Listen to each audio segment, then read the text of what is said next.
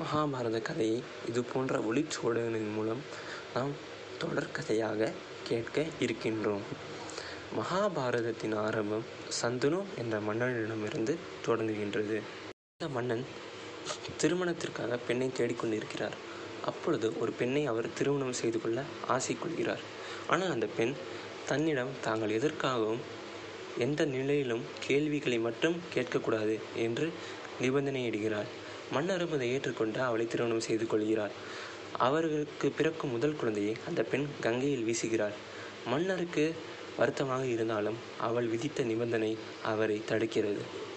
பிறகு பிறக்கு அடுத்து பிறக்கும் ஆறு குழந்தைகளையும் சேர்த்து ஏழு குழந்தைகள் கங்கையில் மடிந்து விடுகின்றனர். எட்டாவதாக பிறந்த குழந்தையை அவள் தூக்கி செல்லும் பொழுது மன்னரால் பொறுக்க முடியவில்லை. நெல் ஏன் இவ்வாறு செய்கிறாய்? என்று கேட்டு விடுகிறார். அப்பொழுது அந்த பெண் கங்கையாக மாறி நான் கங்காதேவி ஆனேன் பூர்வ ஜென்ம சாபத்தின்படி நாம் இருவ நீ நாம் இருவரும் மனித வடிவில் பிறந்திருக்கின்றோம். இப்பொழுது இந்த எட்டாவது குழந்தையை வளர்த்து உன்னிடம் வந்து ஒப்புவிக்கிறேன் என்று கூறி மறைந்து விடுகிறார். இந்த எட்டாவது குழந்தை தான் மகாபாரதத்தின் வரும் பீஷ்மராகும் இவரை பற்றிய அடுத்த கதையை நாம் அடுத்த ஒளிச்சோடில் அறிவோம். நன்றி.